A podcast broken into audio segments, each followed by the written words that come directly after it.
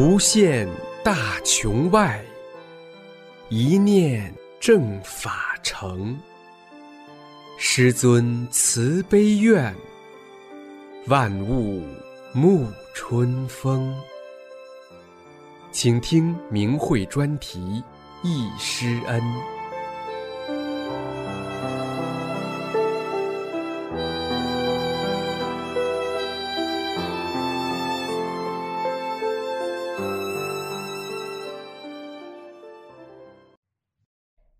听明慧忆师恩专题文章，题目是《生命中最幸福难忘的时光》，作者辛慎。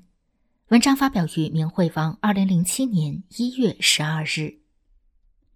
师父啊，弟子虽有十多年未见您面，可当年得法时的历历往事，永远是弟子生命中最幸福难忘的时光。初见恩师是在九三年年底的北京健康博览会上。当时经亲友介绍去国展中心听师傅讲三个小时的介绍大法的班，当时好像是气功展览就要结束了，师傅应众多受益者要求结法，会场爆满，幸好亲友提前买好了票。我看着兴奋等待中的人群，心想会是怎样一位大师令众人翘首以盼呢？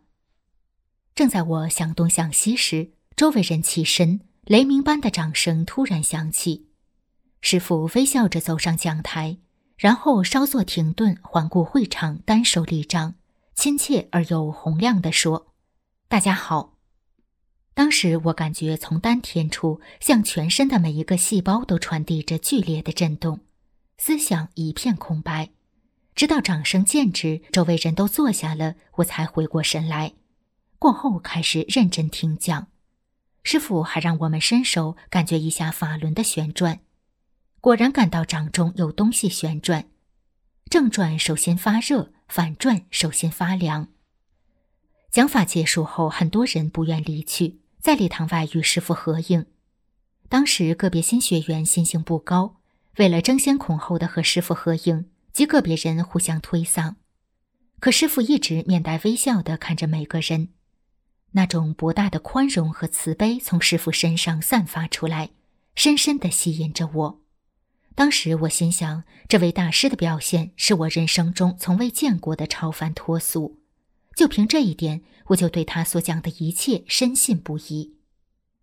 在旁边，我一直愣愣地看完众人合影离去，只有一个想法：要紧紧跟着师傅。一转眼，师傅一人走出院子，上了大道。我愣愣地看着师傅的背影，这时亲戚叫我该走了。到了对面车站，我还在看师傅的背影发呆。突然，师傅转身对我招手，让我过去。我心想：是叫我吗？只见师傅点点头，又招手。就在这时，亲戚把我拉上了公交车。事过多年后，回想这一幕，用句常人的话讲，真是悔得肠子都绿了。抱怨亲戚拉我走，又怪自己悟性不够，有时又会以此为荣，觉得自己特别点。看完《忆师恩》，我才明白，师傅知道每一个弟子所想，会在每一个弟子最需要时出现，又时刻为每个人操心。自己那点经历，每个人都遇到过，关键还要看现在能否按照师傅的要求做好三件事。第二次见师傅是在九四年八月延吉讲法班上，出发前睡觉时眼睛总是止不住的流泪。当时我与北京研究会的大法弟子同坐火车硬座去，他们负责把学员需要的书和练功带送去，每个人都是几个大包。天气炎热，人又多，车厢都挤满了，很多大法弟子钻到硬座凳子下面躺着，把座位让给别的同修。到达延吉后，找了一处离会场近的旅社。大多数同修比较穷，经旅社老板同意，十几个人挤住一间房，吃饭就买些黄瓜、西红柿，酱油一半就馒头吃。虽然条件有限，但每个人都在兴奋地等待师傅讲课的开始。看卖书的同修人手不够，我就去帮忙。老学员们非常照顾我。每次快开始时，都让我放下手中的事，赶快进去听课。记得第一堂课，师傅就讲：能来参加的学员真是祖上有德，三生有幸。以后这种传功传法班不办了，要学功就去练功点。每次只要师傅开始讲课，偌大的会场顿时鸦雀无声，一声咳嗽都没有。讲课中，我时常可以感觉到师傅打出的能量给我每个身体细胞带来的震撼。一次，师傅从我身旁走过，也是这种全身一震的感觉。场内听课时，看每个弟子头上都有一金色光圈；出会场后则没有了。师傅还让一老弟子给卖书的学员送来一个大西瓜，慰问大家辛苦了。讲法最后一天的下午，天气晴朗极了。我站那儿卖书，就见朝鲜族的女大法弟子们身着传统节日盛装，被风吹起的彩色衣带令他们看起来翩翩若仙。从四面八方三三两两的走来，进入会场，我觉得美极了。最后解答完问题后，师傅说：“本地的学员有能力的话，帮外地的学员解决一下买火车票难的问题。外地学员还有工作等着回去，另外在这儿多住一天，消费也挺高的。”事后听说，去北京的火车加挂了一节硬座车厢。然后师傅又应大家的要求打了一套大手印。在这十几年的风风雨雨中，在弟子生死攸关的时候，每当想师傅的伟岸身影和音容笑貌，都能给弟子增加无比的勇气和毅力，面对邪恶绝不低头的一步步走过来。弟子一定不负师恩，待还中自有承平日时，再见恩师。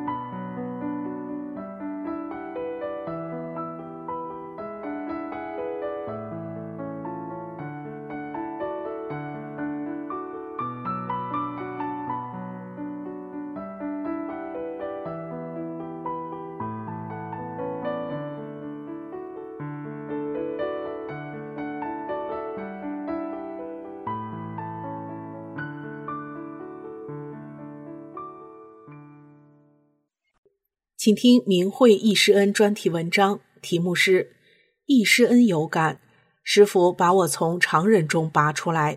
作者九江大法弟子。文章发表于明慧网，二零零六年十月十二日。最近看了同修写的易师恩，点点滴滴令我震撼不已，感动不已。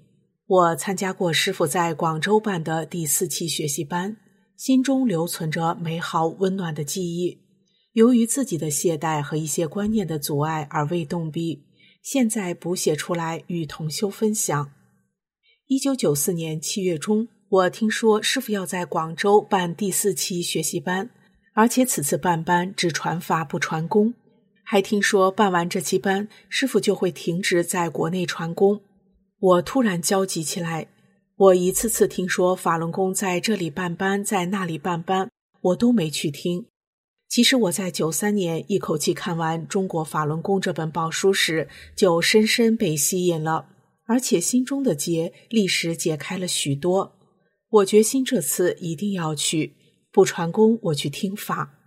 接下来的事出奇的顺利，领导通知我休半个月的工龄假，几个月前补发的两千多元工资被我忘在抽屉里没存。又听说九江还有十来个人要去，有伴儿。两三天时间，一切准备就绪，坐火车到了广州。也是像同修们看到的情况，学习班地址老定不下来，还换了一次地方。不远处也有一个什么宫在传。师傅讲法时说：“就看你进哪个门。”师傅讲法时，我听到的第一句大意是。本来这次学习班只传法不传功，现在我决定既传法又传功。我听了很高兴，还好没错过。当时我还是个常人，不知道师傅无所不在、无所不知。后来明白，我当时动的一念，师傅肯定是知道的。学习班上，师傅给大家清理身体，叫每个人想到一种病，然后听师傅口令跺脚去掉它。我还没想起来，师傅就喊口令了，啪，跺得那么齐。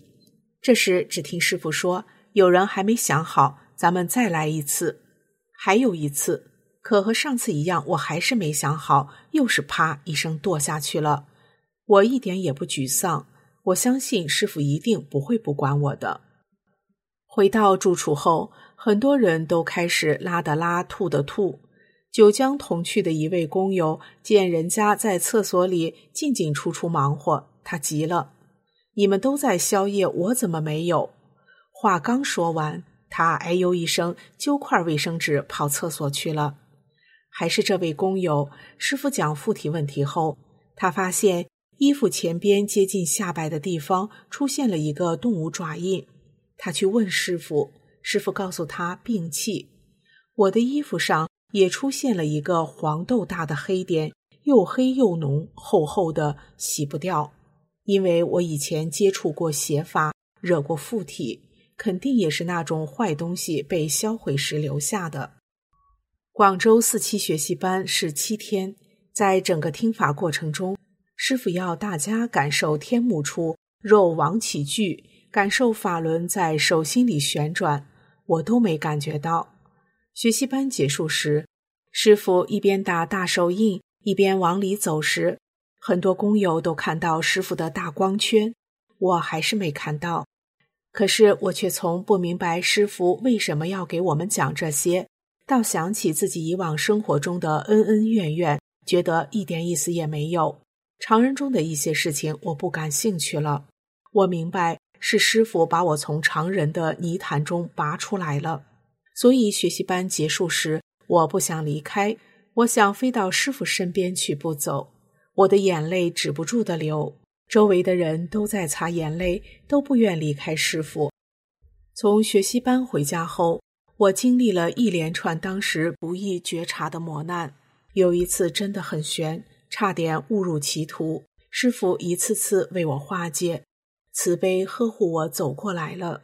师傅的苦度洪恩，我们唯有不断精进，兑现史前大愿，才能对得起伟大的师傅。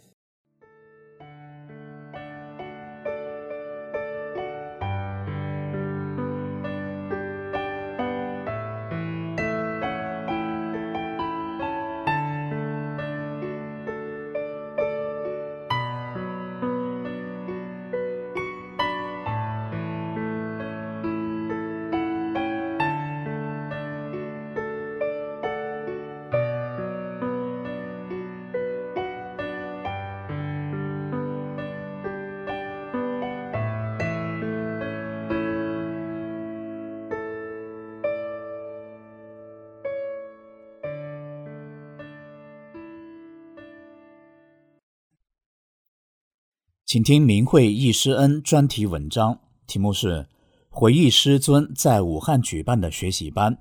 文章发表于明慧网，二零零六年十二月十二日。一九九三年十月，我有幸参加了师尊在武汉举办的第五期大法学习班。正如师傅在《精进要旨悟》中所讲：“传法时必有邪门干扰，道魔同传，同在一世。”真真假假，重在物。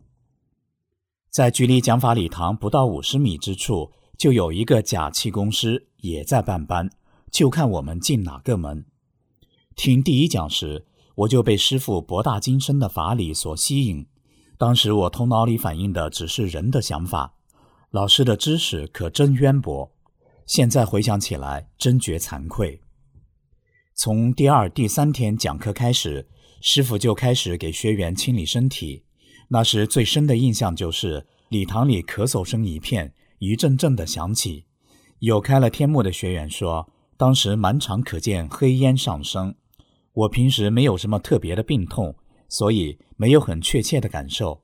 但现在记起来，当时有两天听课头晕犯困，是闭上眼睛听的，内容却没有漏下，可能是师傅给清理了脑子里潜在的病灶。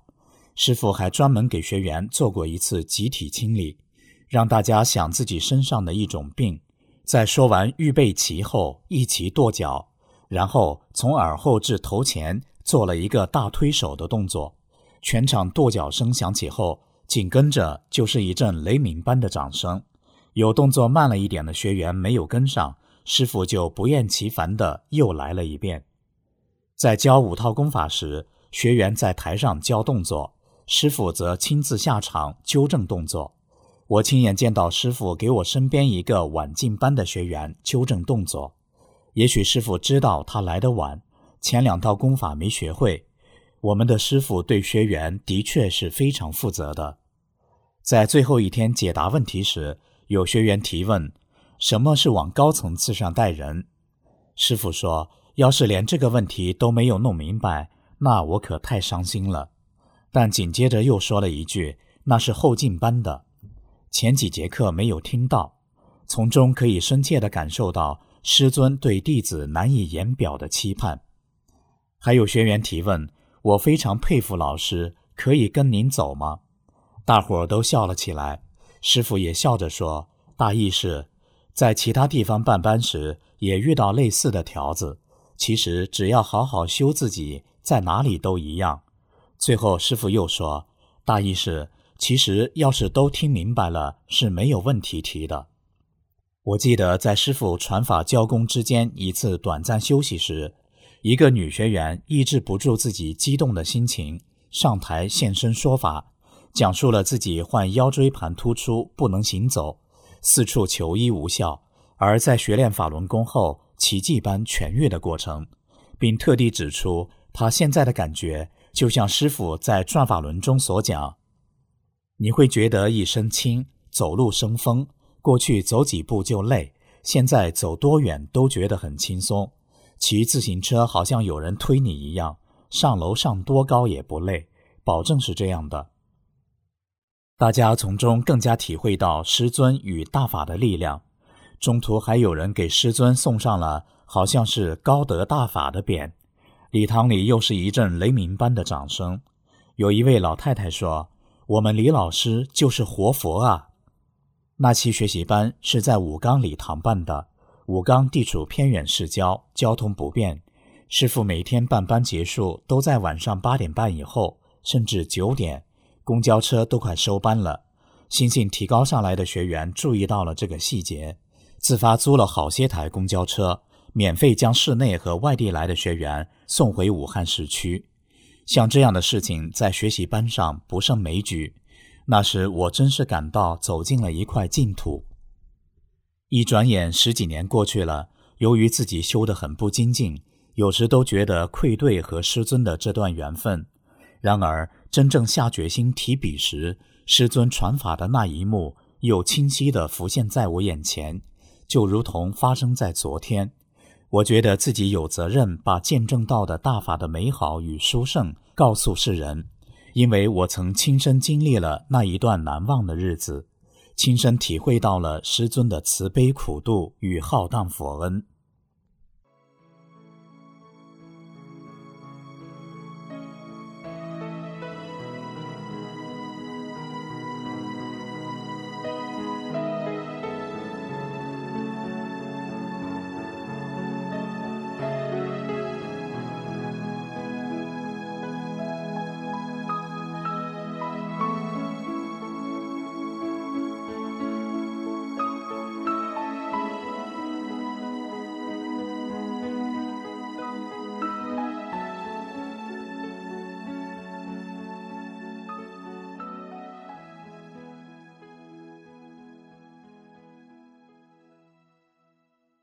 请听易师恩专题文章，题目是《易师尊锦州传法教功》，作者锦州大法弟子。文章发表于明慧网，二零零六年十一月二十五日。我是锦州籍大法弟子，今年快七十岁。回忆一九九四年四月五日，伟大慈悲的师尊来锦州讲法传功。办学习班，我有缘参加了这个班。这个日子是我终生难忘的日子。我感谢师父传给我这宇宙大法，给了我第二次生命。我衷心的感谢师父。修炼前，我是个多种疾病缠身的老年妇女，患有双肾萎缩、胆结石、胆囊炎、胃病、尿道炎，右手三个手指骨质增生。末梢神经炎，尤其是双肾萎缩，害得我痛苦难忍。躺下翻不动身，坐下起不来，全身浮肿，腰痛，排尿困难。拖着这样的身体不能工作，只好病退回家治病，由家人陪护到锦州附属医院求医救治。大夫细心用各种仪器检查。大夫一手拿各种检测报告单，一手拿笔，一筹莫展，最后什么药也没给开。胆结石特别疼，还不能用药。大夫说治胆结石和胆囊炎的药刺激肾，因为是双肾萎缩的表面都打褶了，萎缩的像鸡蛋黄大小，再刺激它，人就不行了。当时。大夫给我讲解病理症状时，举个例子说：苞米叶子旱干了，叫它再绿了，有那办法吗？我当时心里大震，沉痛的回到家里，痛哭一场。绝望使我更加眷恋、感叹人生，看到谁都想哭。换肾又没钱，供四个孩子读书。没办法，只好回家养着。大夫还说：“别生气，想吃点什么就吃点什么吧。”我深知大夫说话的分量和寓意。无药可治就是绝症，有病乱投医，没办法，我就到庙里拜佛。曾去尼姑庙认尸，得施舍，送钱送礼品，舍物。又去庙里皈依，时间一天天过去，度日如年，但病情还是不见好转，却越来越重。在走投无路时，我有幸聆听师尊来锦州传功讲法。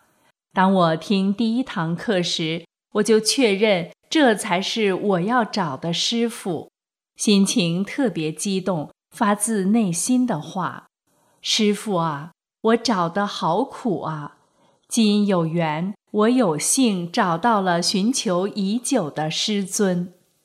上课时，我聚精会神地听着，字字句句都打入脑子里，心情无比豁达敞亮，凝视着师傅讲课的每个手势。第二天，师傅讲完课，说休息五分钟。这时我就想去厕所。当我走到半路时，忽然想起来，我坐着怎么起来的呢？哎呀，我好了，走路腰也不疼了。到厕所解完手，没费劲就起来了，太神奇了！我高兴的几乎要喊出来：“我好了！”心里想，等到下午师傅来，我给师傅磕头。太神奇了！师傅治好了我的病，是师傅给了我第二次生命，我感谢师傅。下午还没等到我去找师傅，师傅已经来到我身后，不由自主地回头一看，师傅在我身后，师傅笑了。当时我脑子一片空白，连叫一声师傅都没想起来，至今还后悔。当师傅讲完法后，教第五套功法，教盘腿打坐。因我的腿肿得很粗，右腿盘不上来，左腿刚搬上来一点点，就痛得不行，就放下了。当时我就写了一个条子，亲自递给师傅，上面是这么写的：“师傅，我的腿搬不上来，盘不上怎么办？”师傅看完条子，笑着说：“今天晚上大家都回家盘腿打坐，保证都能盘上。”我在回家的路上一直想着师傅的话。到家第一件事就是盘腿打坐，果真像师傅说的那样，两腿都很轻松地盘上了，坐了二十多分钟。当时我就知道师傅不是一般的人，是个活神仙，太神奇了，不可思议，使我终生难忘。下午又和师傅在一起合影留念。照片至今我珍藏着，每想起和师傅在一起的日子，心情就十分激动。如今我修炼十二年了，在修炼的路上走过了十二个春秋，历经了数不尽的风风雨雨，但我从来都没有过一丝一毫的动摇，对大法的坚定信念。和对师尊的崇敬感情，我要牢记师尊的话，做好三件事，不辜负师尊对我们的慈悲救度。同修们，我写出来送师恩，让我们共勉，沐浴着浩荡的佛恩，勇猛精进吧，跟师父回家。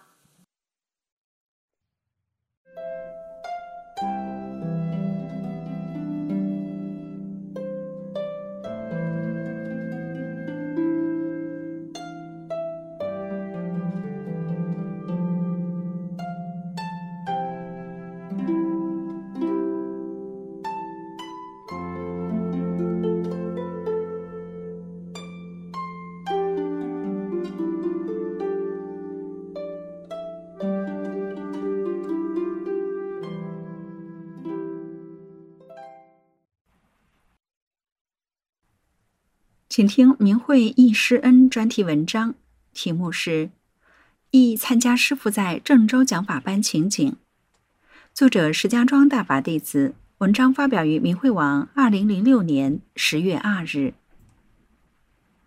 我是河北石家庄的一位老年大法弟子，有缘参加了师傅在郑州举办的讲法班。十几年过去了，当时的情景不时的浮现在我的眼前。今生今世永远不忘。在讲法班上，我像孩子一样，总是形影不离的跟着师傅。当我看到师傅时，心中有无法表达的喜悦。当时我形容自己是从心里往外高兴。看到当年和师傅合影那个高兴劲儿，真的是每个细胞都在笑。我也不知道为什么，就是想看到师傅。只要师傅一来会场，就跟在后面，找到能看到师傅的位置，一直到讲课结束。送师傅回住处时，直到车开走远去，看不见师傅了，我才想起自己也该回去了。记得在讲法的第二天，我有意等到最后走，就看见师傅从讲台上下来，走到我跟前。我高兴的不知如何是好，很想跟师傅说话。可是又想不起说什么，心里很着急。当时常人心重，就随便说了一句假话：“师傅啊，扩音器有问题，听不清讲什么。”直到现在，心里愧疚，哪像修炼的人呀？师傅慈悲的问我说：“听不清吗？”师傅还说了句什么？因为太高兴了，也没听清。我赶快补充了一句。师傅后来又听清了。师傅慈悲的望着我笑了，我也笑了。后来在修炼中，我认识到了自己的这个执着心，并去掉了它。从那时起，师傅慈悲的微笑永远留在了我的脑海里。师傅在《红营二师徒恩》中讲：“弟子正念足。”师有回天力。一次，我被邪恶抓了，并关了起来。我心里喊着师傅，并对师傅说：“我有很多正式法的事需要去做，不能走旧时里安排的路，一定要无条件释放，把我送回家。”我就在警车上打着手势发正念。恶警说：“在这儿还练功，不许练。我也不理他。从上午十点一直到晚上八点以后，十个小时不停的发正念。晚上八点后，儿子把我接回家了，师傅又把我送回到正实大法的洪流中。感谢慈悲伟大的师傅，我一定珍惜这万古机缘，在学法上下功夫，用心去做好三件事，争取在自己的环境中做得更好。用智慧去做，理智的去做，整体配合好，紧跟师傅的正法进程，不辜负师傅对我们的慈悲苦度。